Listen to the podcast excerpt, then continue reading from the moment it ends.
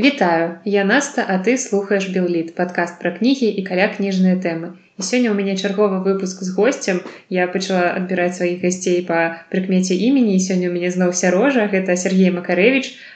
журналіст, краязнаўца, супрацоўнік выдавецтва Янушкевіч і проста чалавек, з якім мы даволі добра камунікуем. І сёння мы з ім пагаворым пра кніжкі, пра розныя кніжкі, пераважна пра, Хаця Сергей потым сам раскажа пра якія кніжкі мы пагаворым спадзяюся што вам будзе цікава прывітанне ўсім хто нас слухае Вось нарэшце дабраўся да насты яна ўжо працяглы час мне запрашала пагаварыць пра кніжкі. Найперш пра кніжку салі руні нармальныя людзі я не ведаю чаму менавіта мяне она хацела Таму што мы з табой пра гэтую кніжку перыядычна спрачаліся і таму я падумала што варта гэта вынесці па-за межы нейкіх наших простых спрэчак зрабіць гэта падкастам каб іншыя паслухалі Ну так але для, для мяне было пра, пра пытанне чаму я як мне себе прадставіць чаму менавіта я павінен про это гаварыць ці чаму мяне павінны про это слухаць тым не менш мы рашыліся на гэта і мы паспрабуем пагаварыць нават крышку шырэйчым пра роман салі руні закрануць і іншыя кніжкі як з беларускай літаратуры так і сусветнай. І калі выйшла кніжка салі руні по-беларуску я прачытаў яе і ў мяне адразу не было ніякіх пачуццяў адносна таго ці спадабалася мне кніжка. Я не мог для сябе гэта зразумець. Але прайшоў невялікі адрезак часу я все-таки вырашыў што так я кніжка мне спадабалася і я магу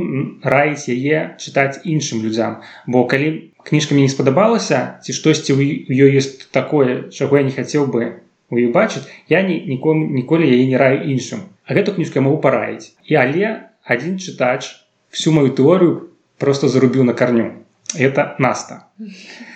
Наколькі я ведаю ёй гэта кніжка не спадабалася так як мне і яна можа быць нават не чытала б яе калі б я не змушаў яе это зрабіць Не тое, каб ты змушаў. Мне здаецца, што проста гэта такая кніжка, пра якую зараз гавораць паўсюль, ну не зараз можа магчыма, зараз і не гавораць, але быў пэўны працяглы перыяд, калі яна пераклалася на рускую мову і калі пра яе гаварылі ўсе. І я падумала, што ну раз усе гавораць, чым я горш і не тое каб яна мне так ужо не спадабалася гэта кніжка якую я таксама я веду каму яе раіць я ведаю канкрэтную ёсць мэтавая аўдыторыя амаль у кожнай кніжкі ёсць свая мэтавая аўдыторыя і я напрыклад не мэтавая аўдыторыя гэтай кніжкі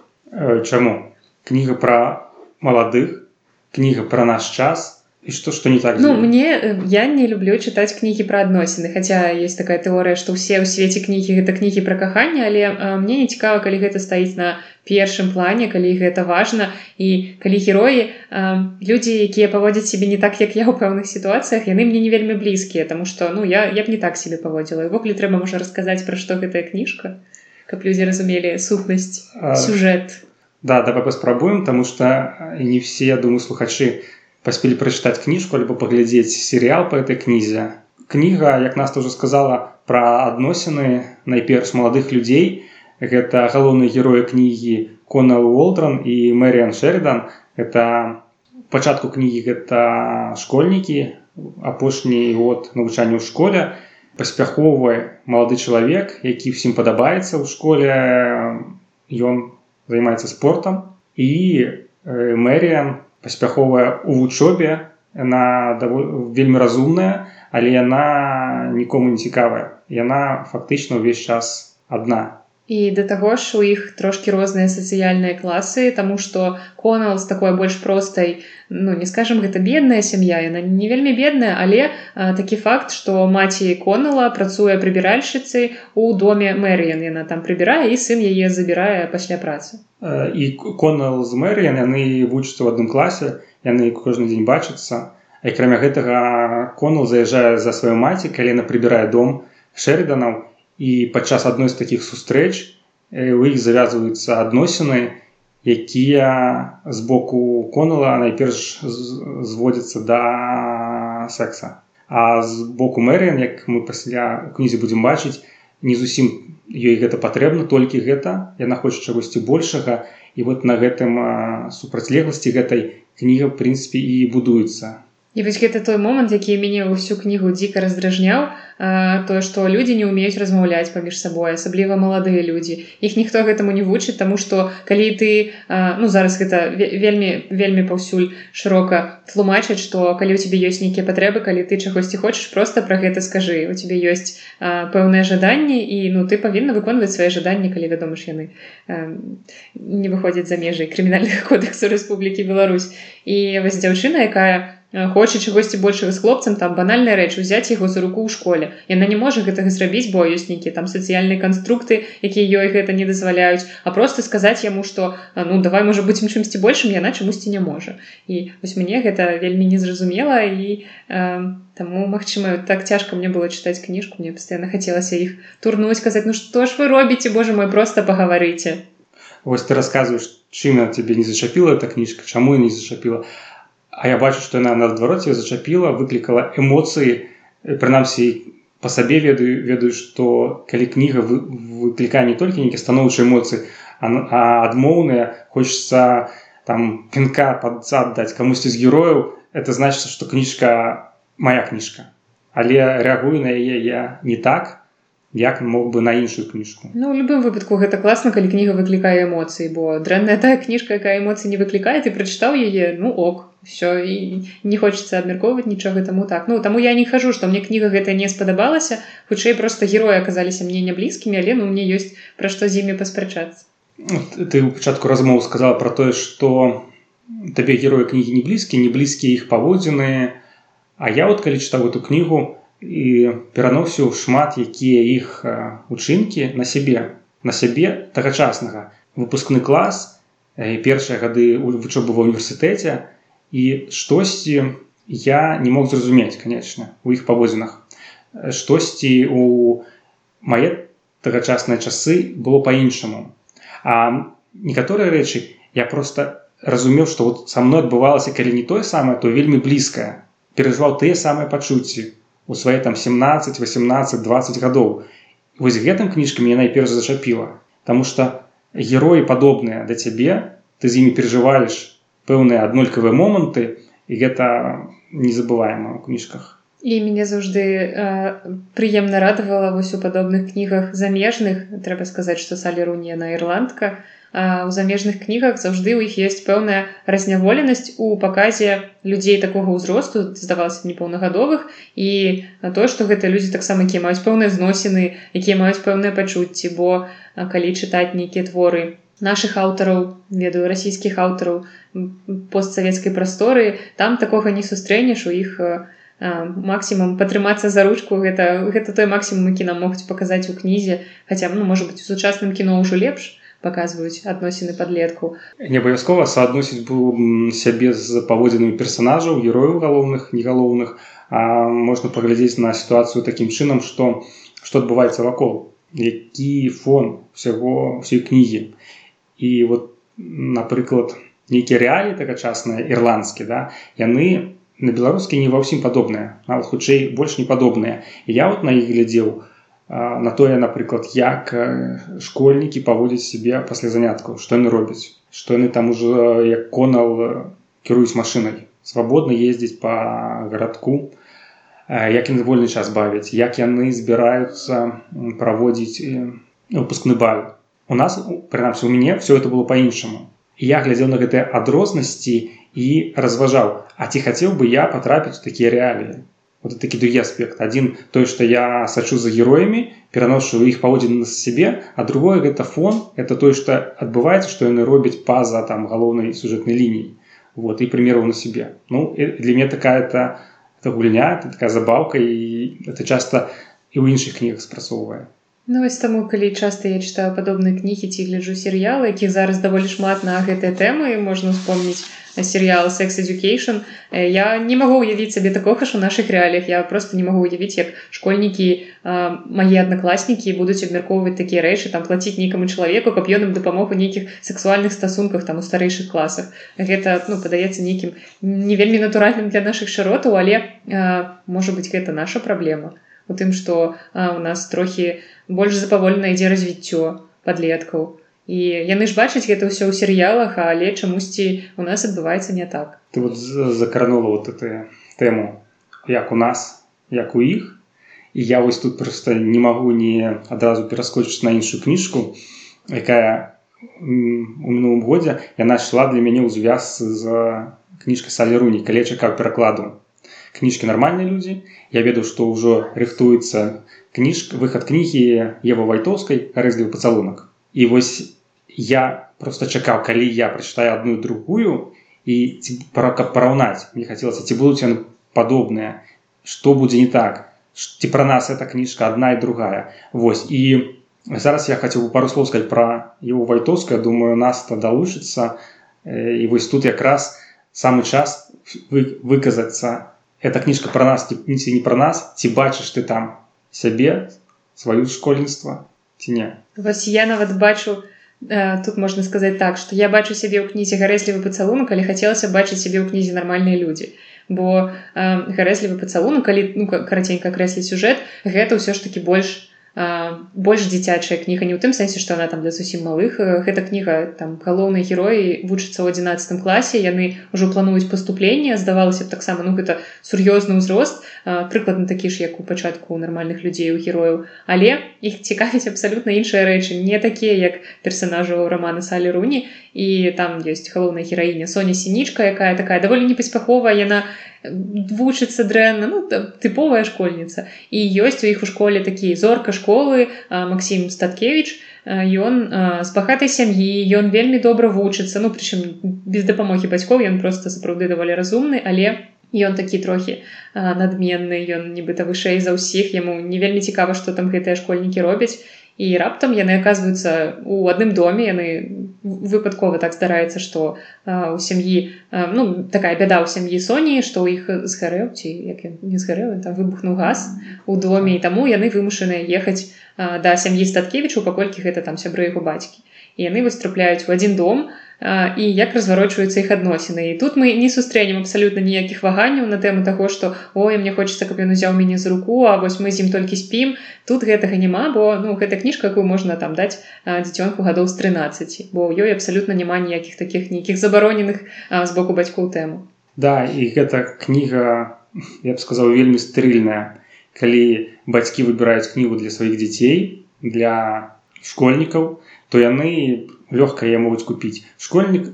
выбіраючы сам кнігі не заўжды я б сказаў сёння спыніцца на гарэзлівым пацалунку калі ён пачне там штосьці чытаць выхопліваць нейкія ўрыўкі А для мяне вот этот роман я прыйшла вельмі хутка ён добра напісаны у гэтым скажем няма ніякіх закідаў аўтару але это роман які я сёння могу сказаць что я б не хацеў его чытаць калі б я ведаў які ён унутры Таму что это кніга якая прычытанне якой мне становіцца нейкавата крышку сорамна сорамна за тое что в этой кнізе не няма ніякіх намёкаў на э, сексуальное жыццё. Нават не ніводнага намёку і я а чаму не сорамна Таму что сапраўды маё школьніцтва прынцыпе было такім як я напісала напісана гарэзлівым пацалу маё таксама. І мне не хочется вяртацца ў той час Таму што ён для мяне э, ні, ніякіх не выклікае эмоцый толькі вот сорам что я быў таким а не разняволеным э, як у кні... э, герою кнігі нармальныя людзі это вот нас сказала такую рэч якая вот мне добра упісваецца скажем у моей паводзіны нармальныя людзі это тое як бы ты хацеў бачыць сваё школьніцтва студэнцкія гады а гарэзлівы пацалунак это так як у тебе было ў беларусі і яшчэ да таго ж я не чула водгукаў на жаль падлеткаў ніякіх бо не асабліва кантактую з падлеткамі але я чула наконт гарэзівага пацалунку шмат водгукаў ад людзей майго ўзросту і старэйшых і ўсе гэтыя людзі яны задавальненнем прачыталі гэтую кніжку нават дарослыя яны чыталі ну я напрыклад чытала з захапленнем абсалютным мяне там бомбіла ад паступку герояў бо я разумела што Мачыма я сама ў дзяцінстве ў школьныя гады рабіла так жа а цяпер я ўжо дарослая ведаю што як было б гэта зрабіць лепш то але ну все дзеці памыляюцца і таму дарослыя чытаюць гэтую кніжку з такой ностальгіяй ім прыемна что там шмат гадоў прайшло я вось памятаю як это ў мяне было. Бо ў прынцыпе я думаю что ў савецкай школе у іх таксама прыкладна такое ж было дзяцінства ну, вот з кнігай еву вайтоўскай гэта псевданім мары мартасевич у меня такое ўражанне что кніга яна не не для сучаснай подлеткаў не для сучасных школьнікаў для мяне гэта кніга это твор про то як аўтарка кнігі правяла свой 11 клас у школе. Толькі дадала крышку нейкіх сучасных рэалій сучасных рэалій да. Наколькі я ведаю яна давала чытаць бытарыдарам школьнікам яны нейкія выказвалі за ўвагі але все роўна думаю школьнікі не выказалі всяго што яны хацелі і эта кніга вот для тых кому там для пакалення мільяру таксама назваў бы 25 25 далёка там ну, хто больш нават 20 25 да. Больш-менш памятаю школу сваю і ну, падобныя рэаліі але таксама мне здаецца што у мяне вось школьныя гады гэта горшы час майго жыцця я б не хацела вяртацца ў свае школьныя гады і гэта не звязана там з нейкімі адносінамі гэта просто час калі а, мне здавалася што я паўсюль не на месцы і і што мне няма у прынцыпе месца таму я сядзела чытала кніжачкі хаця магчыма таму што я чытала кніжачкі мне там не было месца бо я ведала нейкія іншыя светы. І таму гэтая кніга гэта для мяне э, такі глыток паветра э, там ну мне б хацелася можа быць апынуцца сярод герояў гэтай кніжкі э, каб адчуць як можа быць у школе нармальна калі калі ты адчуваеш сябе ў школе нармальна не так што я памятаю толькі там 11 10 клас гэта яшчэ больш-менш той час які я б хацела вярнуць але выключна там моманты падрыхтоўкі да універсітэту калі там я хадзіла на алімпіяды гэта ўсё што мяне цікавіла ў школьным жыцці але адносіны з аднакласнікамі я не камунікую ні з кім са сваіх аднакласнікаў не бачыла іх я апошні раз была ў школе на апошнім званку я абсолютно не ўяўляю чым займаюцца гэты людзі я не хочу нават уяўляць тому што мяне там ну не было блізкіх людзей і таму магчыма я кожную кніжку пра школу вось я вельмі люблю чытаць творы Андрэя жвалеўскага Евгений пастырнак пра школьныя гады бо для мяне гэта прыклад таго як у мяне магло б быць. І таму я з такім трохі са светлым сумам чытаю падобныя кніжкі і таму я з задавальненнем чытала і гарэзлівы пацалунак таксама. Дарэч ты вот э, вспомнила про Андрея жвалеўскага Евгению пастырнак а я вот э, не, не збіраўся про гэта гаварыць тому что забыл про эту кніжку а зараз помню что выходзіла спачатку по-руску а гады два года полтора назад по-беларуску іх роман про школьнікаў сямцы наколькі можна параўнаць тут будзе вельмі корректно думаю параўнаць сямцы і гарэзлівы пацалунак гарэзлівы пацалунак это 11 клас школы? Сіянцы калі не памыляюсь это 9 16 15 гадоў так. персонажам я думаю что параўнаць даволі карэктна бо ну прыкладна тоже ўзрост тыя ж рэаліі наша школа. Тым больш что абедзве кніжкі падзеі абедзвюх кніжак адбываецца ў мінскіх школах. Так і у наш час. І а, мне здаецца что нават семцы сіянцы мне спадабаліся нашмат менш за гарэзлівы пацалунак але ў сіямцах ну рэаліі такія даволі сучасныя. Я думаю што гэтую кнігу падлеткам было б чытаць больш цікава паколькі там такія вельмі прыемныя знаёмыя ім сучаснай рэаліі як youtube блогеры гэта два галоўныя героі хлопчыка дзяўчынка якія вядуць так якія вядуць youtube канал записываюць іх разам яны там сядзяць у адным шведары яны нібыта сіямскія блізняты і таму кніжка называется сіямцы але потым оказывается што паміж гэтымі гэтым хлопцам дзяўчыны ёсць нешта больш чым просто блог на Ютубе там пэўныя адносіны але таксама гэтыя адносіны падаюцца вельмі вельмі романтычна ўзнёсла і просто абсалютна без аніякіх намёкаў там моцных на цялеснасць на нешта фізічнае і гэта таксама трохі так э, напружвае ў такіх кніжках тому что ну ну не зусім яно ўсё так. І таму ну сенцу у прынпе у мяне там было шмат прэтэнзій да сіемцаў я гэтую кніжку я прынпе не вельмі правіла падлеткам але думаю что ну прынамсі на іх зацікавіць можа Вось я ў сямцах бачу некае перагуканне з сённяшнім днём там 5 колькі там гадоў выйшла першае выданне можа быть 4 гады 10 назад. Вот але все роўна гэта най, на, найбольш набліжаная да рэальнасці найбольш сучасная кніжка параўнанні больш, ну, больш сучасная кніжка так. да. І чаго мне не хапіла ў гарэзлівым пацалунку гэта нейкая дэструктыўнасці нейкай там героі аднойчы каб вы разумелі ідуць выпіць піва ён зда ну гэты галоўны герой Масім статкевич які такі разумнік выдатнік і ён вось все устрой дзе строй вырашыў і пайшоў напляваўшы там на ўсе забароны бацькоў пайшоў кудысьці у клуб і выпіў піва гэта увесь узровень дэструкцыі в гэтым творы ну да а у маім жыцці не было конечно чарнухі але вот гэтай дэструктыўнасці было больш значна значна больш яшчэ вот пра сучаснасць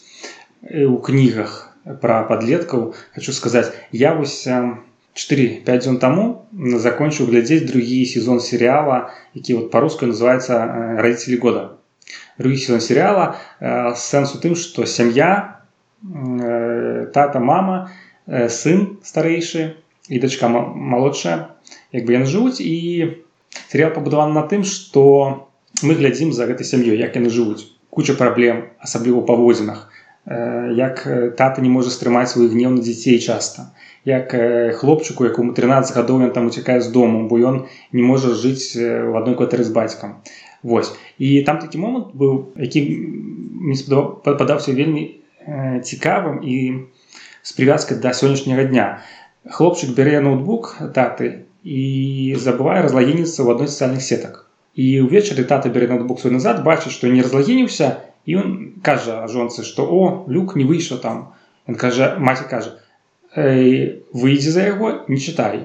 в гэты момант люк пачынае ўжо з іншых дэвайса перапісвацца у сацыяльных сетцы і бацька это все бачыць. І ён замест того каб разлагеніцца ён пачынае чытаць. Маці ім кажу выключу выключу ён чытае і бачыць што люк прапануе свайму сябру купіць траўкі. Ім па 13 па 13 гадоў жывуць яны ў Лондоне это брытанскі серыял і вось і якая рэакцыя бацька і он адразу а я зараз пайду-ка яго падымуем уже спіць да. а маці стой постой ты зрабіў неправільна ты парушыў яго прыватную прастору і не трэба адразу штосьці вырашаць для мяне вот этот выпадак у гэтым серыяле ён паказвае што серыял зняты з прывязкай да сучасных падзей просто ва, ва ўсім у нейкіх дробязях нюансах. Можна абысці тэму наркотыкаў да? Просто я не паказаць паказваць просто паводзіны бацькоў дзяцей але яны это ўпісваюць тому что для грамадства там брытанска напэўна гэта не тое что тыпова але гэта можа нейкая праблема что вельмі рано пачынаюць ужываць нар наркотыкі той сам мне хацелася бачыць у кнігах вот гарэзлівым пацалунку мне гэтага не хапіла Таму что гэта калі я захачу пачытаць пра рэаліі 20гадовай даўнасці да там 15 гадовой даўнасці калі я заканчиваю школу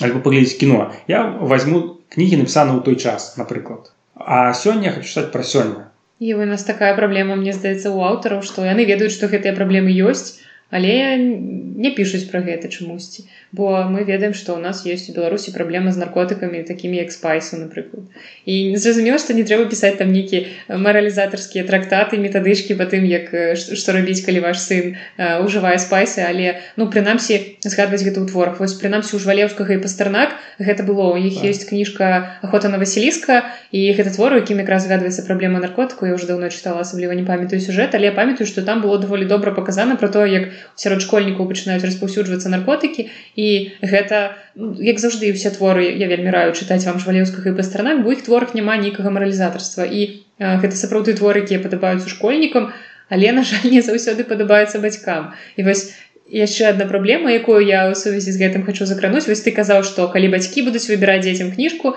то яны з большай верагоднасцю там выберуць больш просты гарэзлівы пацалунак. Але у кнізе закранаецца ўжо нейка сур'ёзная тэма вельмі часта выдаўцы вымушаныя там ставіць узроставае абмежаванне 16 18 плюс і бацькі калі яго бачыць адразу думаюць што ўсё не там нехта закурыў у адным моманце ў кнізе больше я не буду даваць бо абавязкова мой сын стане курыльшчык да была вялікае пытанне паколькі я меў спрычыніўся да выдання кнігі гарэзлівы пацалунак его вайтоўскай. І на вокладцы адзін з персонажаў трымае у зубах цыгарету. І быў такі закід з боку бацькоў А что это такое? А чаму это так? Это ж кепска там что вы тут пачынаеце подлеткавую кніжку подлеткам прапагандуеце курення Вось а для мяне это зусім не так. І я ну, ведаю што я нават не сяртула паху на гэта Я думаю што школьнікі таксама можа не асабліва разглядалі але калі я рыхтавала аднойчы выпуск падкаста пра тое чаму якія ўзроставыя абмежаванні ставяцца і рассказывала вам пра гэта то там былі такія пункты што можна паказаць там то як чалавек курыць але пры гэтым гэтага героя усе вакол павінна абавязкова асуджаць. І там можна паказаць яшчэ нешта там ужыванне якіх-небудзь там рэчываў забароненых але ўсё гэта павінна суджацца калі нехта кагосьці б'е таксама ўсе вакол яго павінны асуджаць. І гэта вельмі дзіўна бо мне здаецца што ў нас некаторыя дзеці жывуць у няпростых умовах якога-небудзь сямейнага гвалту напрыклад і бачыць гэтыя рэчы таму апісанне нейкай бойкі ў кнізе іх абсалютна не здзівіць і яшчэ больш цікава калі бацькі якія самі пастаянна кураць будуць выказваць нешта наконт таго што божа мой у вас цыгарэта на вокладцы ну да трэба все-таки жыць сённяшнім днём а не глядзець у мінулае все вельмі хутка змяняецца дзеці растуць нашмат хутчэй чым мы про это думаем як нам чым нам здаецца. то Таму трэба старацца быць у трендах сачыць за тым, што зараз падабаецца дзецям Ой, школьнікам. І у нас даволі шмат прасунутых бацькоў зараз у Беларусі, як мне здаецца, і можа аўтарам трэба трохі да іх падцягвацца, бо а, ёсць у рассіі такое цудоўнае выдавецтва самакат, якое абсалютна не баіцца выпускаць кнігі на нейкія забароненыя тэмы. А, у нас, на жаль, не так шмат выходзіць кніг на падобныя тэмы. Напрыклад, выходзіла кніга здаецца гэта выдавецтва коска ўжо супер кніга пра біласболу гэта гісторыя незвычайнай дзяўчынкі. Гэта дзяўчынка з аўтызмам і гэта гісторыя такой як з ёй жыве яе сям'я такая прыгожая кніга вершаваная дзе расказваецца як это вашыма бацькоў як бацькі глядзяць на сваё дзіця. І таксама ў яе ёсць брат здаецца і як гэты брат маленькі бачыць сваю сястру і многія бацькі вельмі насцярожана ставіцца да падобных кніг вось у выдавецтве самакат выходзіць кнігі пра вельмі важныя рэчы такія як развод бацькоў я не могу уявіць сабе у нас у беларусі які-небудзь аўтар напісаў на поўным сур'ёзе такую кнігу дзе э, пра развод бацькоў але вось гэта было б вельмі важна напрыклад калі я была маленькая мае бацькі развяліся гэта ну абсалютна натуральная рэч як бы ніякай трагедыі мне было 9 гадоў і ну мне э, трэба было каб нешта мне дапамагло з гэтым А што магло мне дапамагчы ў той час толькі кніжкі тому што я толькі іх і чытала і тады мне ў руки трапіла кніжка э, аўтара прозвішча было васкабойніков і гэта была руская кніжка і яна называлася кшталту утреннія прабулкі здаецца так. Гэта гісторыя пра хлопчыка у якога развяліся бацькі і маці пачынае сустракацца з іншым мужчынам. Ён спачатку да яго насцярожна ставіцца але потым яны даволі пасябравалі. І гэта савецкі твор на такую сур'ёзную тэму. І для мяне ў дзяцінстве гэта было можна сказаць такім выратаваннем і зараз ёсць я не вымаўлю прозвішча гэтага аўтара тому что яно нямецкая гісторыя пра маўліну шмидт гэта гісторыя дзяўчынкі у якой таксама развяліся бацькі. Яна ну ёй цяжка з гэтым прымірыцца гэта таксама выдавецтва самакат і ёй цяжка прымірыцца з тым што вось бацькі разводзяцца яны пераязджаюць з маці і таму яна жыве ў нейкім сваім такім трохі выдуманым свеце і вось такім чынам спраўляецца з гэтай ну, для маленькага дзіцёнка гэта можна сказаць такая трагедыя і вось мне б хацелася каб больш такіх твораў з'яўлялася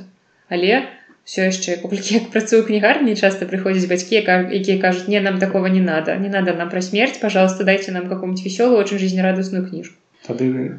у нас есть целый пласт літаратуры шэраг пісьменнікаў якія ўжо умоўна 60 плюс якія пачынаюць чым старэйшым становіцца часто тым больш пачынаюць пісаць про сваё дзяцінства пра падлеткавасць да. думаю што так жа жывуць сучасныя падлеткі. Да і яны і час часам сустракаеш нейкія анонсы нейкія вытрымкі з іх інтэрв'ю з такіх аўтараў. Як яны пафасна кажуць пра свае творы што гэта зараз все будуць чытаць але дастаткова зайсці в бібліятэку узяць падобныя кнігі а я у адной раённай бібліятэцы рабіў гэта не спецыяльна але што траплялася браў і паглядзець по колькасці прачытанняў это вельмі сумна все там за год можа эта кніжка ні разу не будь узятая на абонеменце неяк мы пачалі э...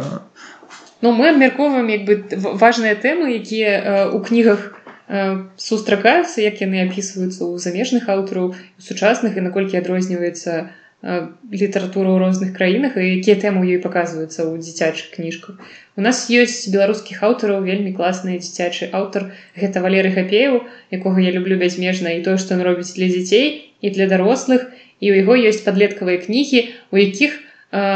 акурат закранаюцца тэмы а, такія можна сказаць сексуальных паводзінаў, таму што ёсць там творы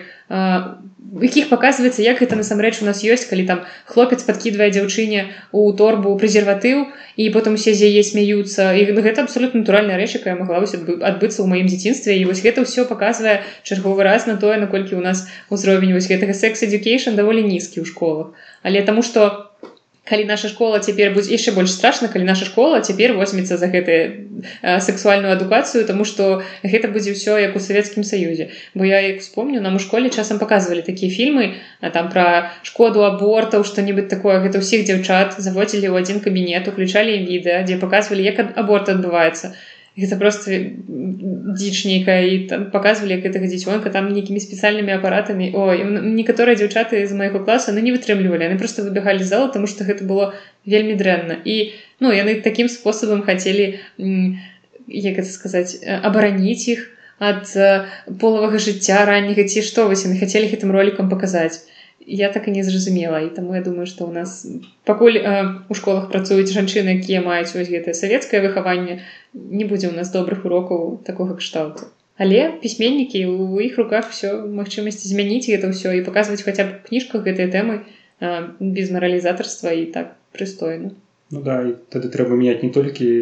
да, жанчыны якія працуюць по савецкай сістэмы адукацыі ў галаве у школах трэба мяняць і шмат таких цел, цел, целое министерство. Министерство уметь письменников тогда, да. Так. А,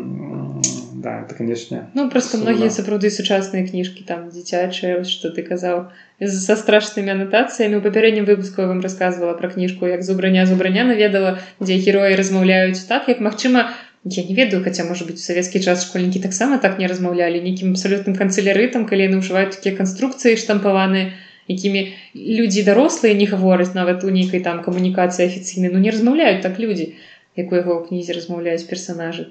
Таму гэта все вельмі сумна вельмі такі пессімістычны абароты за наша размова. А я э, хочу зараз параіць кнігу э, якую я прачытаў ад, фактычна адразу пасля романа нармальныя людзі салеруні яна выпадковымі трапілася у анонсах. Яна не кніжка не новая. Это по-руску в русском перакладзе она называется хорошо быть тихоней аўтар стывен чубо чбоскі я глядзела фільмы мне вельмі не спадабалася я уже не памятаю сюжэт але я памятаю что мне вельмі не я я не паглядзеў фільм так склалася что просто откладываю откладываю за і вот чым мне закранула кніга яна написана в 1999 годзе але рэаліі наколькі памятаю там 91 92 гады школа галоўны герой это хлопчык якого імя якого Чарлі подлетак інтраверт вучыцца ён там может быть наш 8-9 клас не упэўнены у сабе у его праблемы нейкія э, у камунікацыі з наваколлем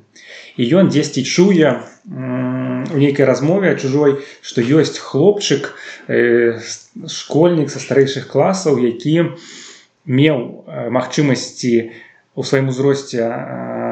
заняцца сексам з дзяўчатамі але ён гэтым не скарыстаўся яму для яго гэта нейка не была самамэтай і ён з імі просто праводзіў час у размовах і гэтага чар так уразіла што ён пачынае гэтаму ён здабывае его адрас пачынае пісаць яму лісты і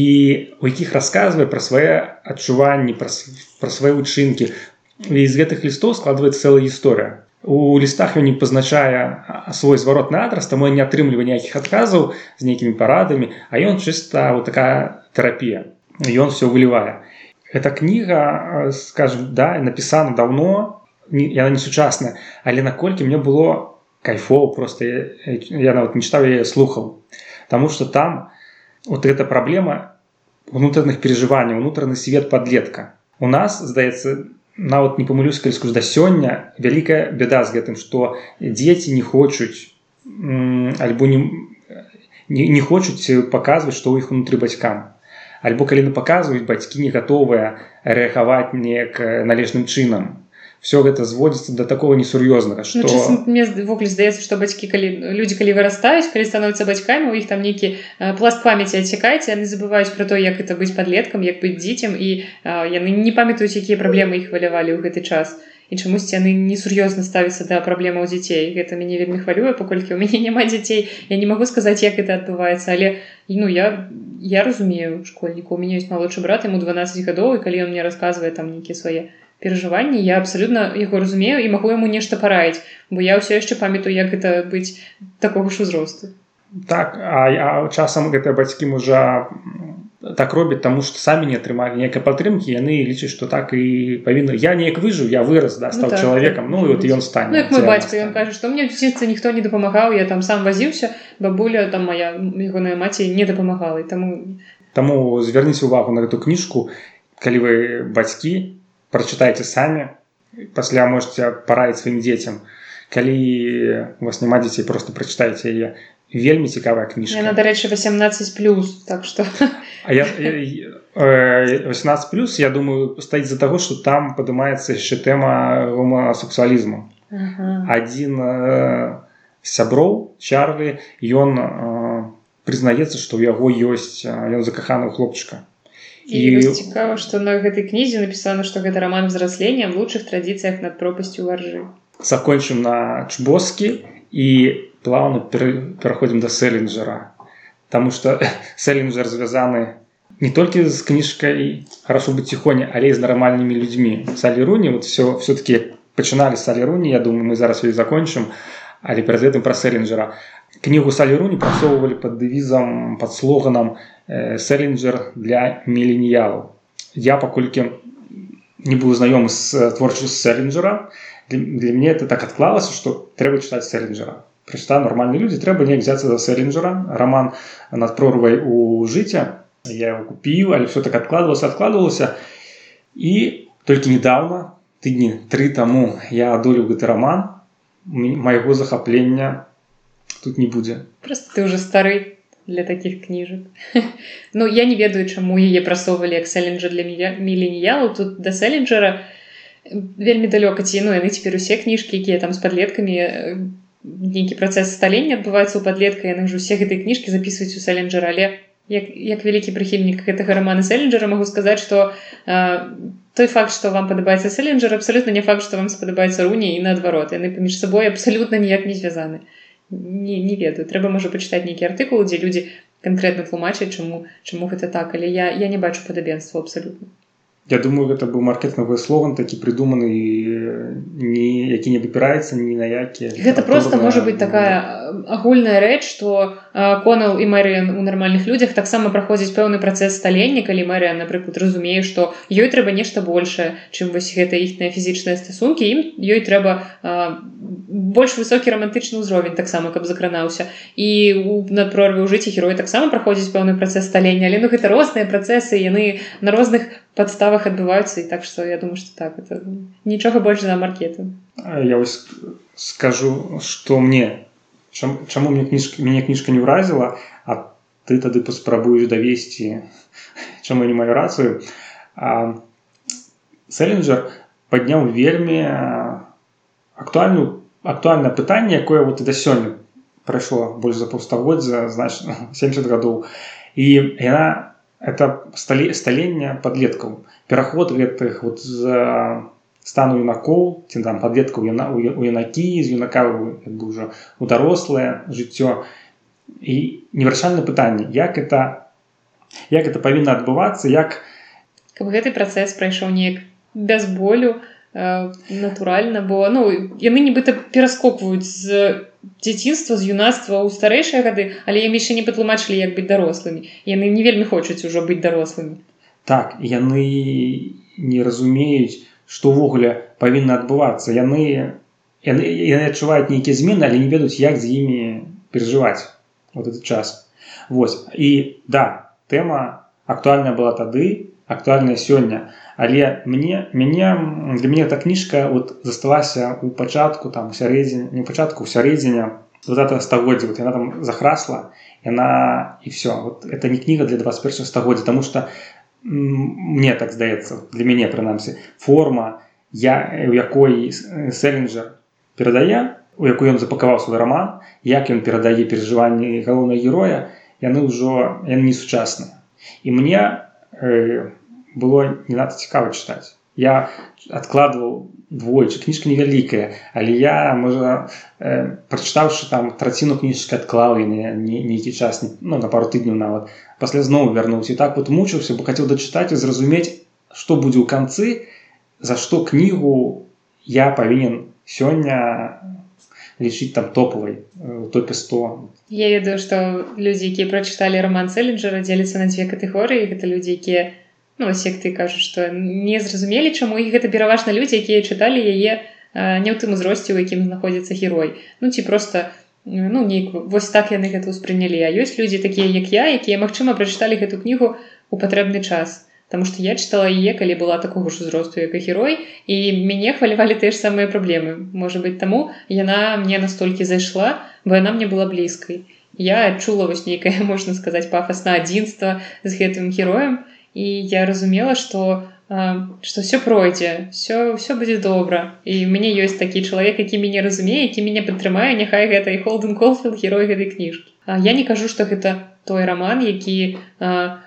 я не люблю гэтыя пафасныя штукі там 100 кніг які павінен прачытаць кожны там лепшыя кнігі ў свеце для кожнага гэта свая кніга. Кагосьці можа быць вунь шантарам. Там уразіў настолькі што чалавек вырашыў змяніцца жыццё з'ехаць у індыю стаць злачынцам і все такое. Вось. Але для мяне сэренджер быў тым чалавекам які не той каб патлумачыў як жыць але патлумачыў што гэта нармальна адчуваць тое што я адчуваю і што гэта абсалютна нармальна і все ўсё будзе добра. Таму яна для мяне была тэрапеўтычная ў тым узросце. Я вось калі, ну, мне да, пытанне да кніжкі сэлінджера сёння, але мне было цікава крышку паглыбіцца ў які дэталі стварэння кнігі у біяграфію сэлінджера. І вот я быў уражаны, што кніга выйшла ў 1951 годзе. Это да, 70 гадоў назад, а пачала публікавацца як твор з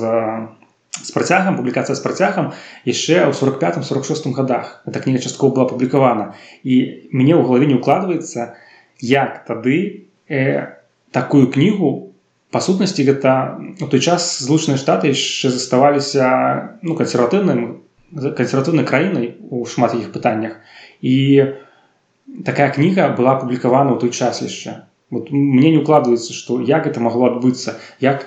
допустила публіка не публіка як допустила допустили людзі які ну, спрынялі ввогуле эту кнігу бо вот напрыклад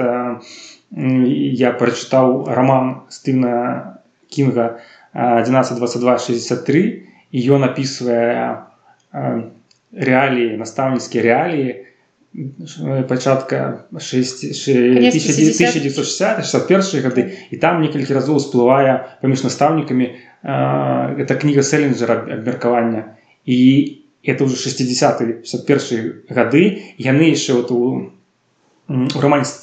кінга яны не могуць прыняць эту кнігу і частка настаўнікаў маладзейшых яны яшчэ як бы Окей добрая кніга можна пачытаць а больш старэйшае пакаленне кажу што это спаліць там умоўна кнігу там нельга дапускаць да школьнікаў этой кнігі і для мяне вот дзіўна як яна так рано з'явілася могла. Вось, мне здаецца калі сучасная школьная настаўніца якая-небудзь такая тыповая жанчына савецкага выхавання прачытае кнігу нармальныя людзі яна таксама скажа вы што ні ў якім выпадку спаліце гэтую кнігу ні ў якім выпадку маім школьнікам я не дам гэтую кнігу просто часы змяняюцца але у нас праблемы застаюцца тыя што праблема неразумення паміж пакаленнямі і таму ну гэтая кніга мусіла колькі было гадоў саленджеру калі напісала таксам быў не стары О, так ну, просто ён увогуле быў яго даволі цікавая біяграфія вельмі раю вам пачытаць пра тое як Сарінджер гэта быў адзін яго навядомы твор з большага потым ён напісаў яшчэ некалькі твораў а потым ён просто з'ехаў куды у лес у домік і перастаў друкавацца. Ён просто ён пісаў але яму ўжо не трэба было друкавацца нешта камусьці даказваць. І гэта ўвогуле вельмі вельмі цікавы пісьменнік. Ну яго там былі яшчэ пасля ён быў на вайне на якой ён быў вайне на другой сусветнай праз гэта у яго былі пэўныя праблемы бо ён тады развёўся з жонкай кінуў яе сышоў сышоў кудысьці ў вось у гэтыя лясы і там працягваў жыць. І я была так і здзіўлена калі я прачытала гэты твор а потым я зразумела што саленджа памёр у 2010 годзе. І я зразумела што блин а пісьменнік яшчэ жывы. І гэта так круто усе бо я прачытала раней за 2010 у школе і для мяне гэта было вельмі незвычайна что мне здавалася что ён такі супер супер класічны супер стары але вось ён яшчэ жыве са мной у адным пакаленні гэта вельмі дзіўна Ну да для мяне это было ну, там лезь не шокам калі я даведаўся ўжо што ён памёр 2010 годзе это Ой, вот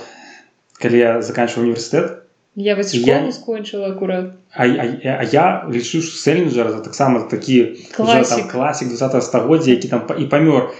З хемінгуем нейкі 60 гады не это был не так. Таму што ніхто пра яго не ведаў ён шмат гадоў жыў гэтым ён самотнікам быў ён Так. закрыўся ад свету ён Так. не дазваляў друкаваць свае кнігі Ён пісаў і новыя, нічога не да. друкаваў і просто жыў сам. Просто мара жыцця майго зачыніцца дзе-небудзь у э, гэтай у лесе і все сядзець і пісаць кніжкі Ну але насамрэч там у чалавека былі пэўныя праблемы але разам з тым то што ён паспеў напісаць тое што надрукавалі гэта ну то што засталося ў літаратуры і цяпер я думаю што ёсць падлеткі якія чытаюць гэтую кнігу і магчыма адкрываюць сябе праз гэтую кнігу ну нягледзячы на а, маю такую не ведаю сказаць як сказаць не не, не любоў а маё незахапленне романам селлінджера дастаткова паглядзець што яго увесь час перавыдаюць ну што мы што мы можемм глядзець найперш суседні расійскі рынок увесь час ён перавыдаецца это значит ёсць попыт бо роман які б не чыталі не покупалі да сёння его так часто не друкавалі. Таму вы можете набыць пачытаць і скласці свае ўражанне про эту кнігу я думаю вот э, мы так пачалі з нармальных людзей і салі руні хацелася напрыканцы э, сказаць штосьці глыбокае про эту кнігу і захвоціць вас таксама і прачытаць і нічого не прыходзіць у галаву таму не слухайце мяне І сёння вось мы тут нагаварылі пра многія кнігі, якія вельмі важныя кнігі, кнігі падлеткавыя, дзіцячыя, бо мне здаецца, ну гэта такі час, калі а, фарміруецца асоба і вельмі важна, якія кнігі дзеці чытаюць у гэты час, бо гэты час такога бунтарства ў многіх, як я памятаю па сабе і мне ў гэты час трапляліся выключна цудоўныя кнігі, якія можа быць у многім а, сфарміравалі мой густ. А, Не скажу, што ён ідэальны, але ну прынамсі я філалагічнае навучанне да- дапамагло яшчэ гэтаму. Але Э, я думаю что калі вы хочаце каб ваши дзеці чыталі нейкія добрыя кнігі то па-першае паказвайце ім свой прыклад. І не бойцеся даваць ім нейкую кнігу там з пазнакай 18 плюс. Любым выпадку вы ж можете самі яе прачытаць перад тым як даць дзецям і не ведаю можа вырваць некаторыя старонкі якія вам не падабаюцца але ну не трэба іх абмяжоўваць дзеці э, дзеці самі разбяруцца што што лепш што горш і э, калі яны захочуць нешта зрабіць то вы вы іх не, не спыніце тым што вы ім кніжку не дасцё Вось таму калі вас зацікавіла нейкая кніжка з таго што пра што мы сёння гаварылі то ўсе гэтыя кнігі будуць у апісанні да выпуска я хочу падзякаваць Сергею за тое што ён прыйшоў а, са мной тут паспрачацца я думала што мы будзем моцна спрачацца але мы дарослыя людзі Э, Сергей можа ты хочаш чагосьці дадаць я хацеў рэмарачку зрабіць што пра узроставае абмежаванне на кнігах 18 плюс там 12 плюс. Э, як чалавек які працуе ў выдавестве і ведае як это робіцца Ну ёсць пэўная сістэма э, крытэрыі пэўныя але яны не заўжды адпавядаюць таму як это ўспрымаюць бацькі 18 плюс это умоўна можа быць там да нехарошае слово. Там могуць быць сексуальныя сцэны але не, это не значит что это кніжка парнаграфічная что там мацюкі адны паўсюль Таму тут э, трэба па-іншаму крышку да гэтых ставіцца але вот моя ремарка была ў тым что а якое кіно вы паказваеце сваім дзецям якія фільмы серыялы вы дазваляеце ім глядзець? По-мойму зараз э, з таго што я бачу на стрымінгавых платформах ёсць канешне фільмы для сямейныя для дзяцей там 0 плюс 6 плюс. Але большасць сучасных фільмаў ужо дарослых да яны 16 плюс 18 плюс. Ну глядзяць жа дзеці мсцителей і ну яны не ідуць забіваць пасля гэтага сваіх сяброў са школы. Да таму кніжка так, так, пераверне іх галаву свядомасць як як серыял таму так я думаю гэта класная класная рэмарка Вось таму чытайце кніжкі слухайце падказ насты калі самім складана разабрацца ў кніжках наста будзе вам штосьці падказваць і І я Было- спадзяюся што мы яшчэ с- сустрэнемся з Сергеем у рамках гэтага падкасту і дарэчы калі вас завуць Сергей вы таксама можете напісаць можа быть я вас запрашу наступным госцем я, я адразу пішыце топ 10 кніжак які вас уразілі ў жыцці і наста каб мы маглі Латарэю пра- правядзем. распрачацца так Дзякую вам што слухали нас паўтаруся што ўсё што было цікавага будзе ў апісанні да гэтага выпуску вы можете знайсці кніжкі некаторыя ўсё яшчэ можна купіць. Напрыклад салеруні можна купіць гарэзлівы пацалунак можна купіць ямцаў таксама можна купіць калі раптам вас зацікавіла. Вось. Таму дзякую вам за ўвагу а, з вами была наста з вами быў Сергей і падкаст білліт да сустрэчы. Дякую за увагу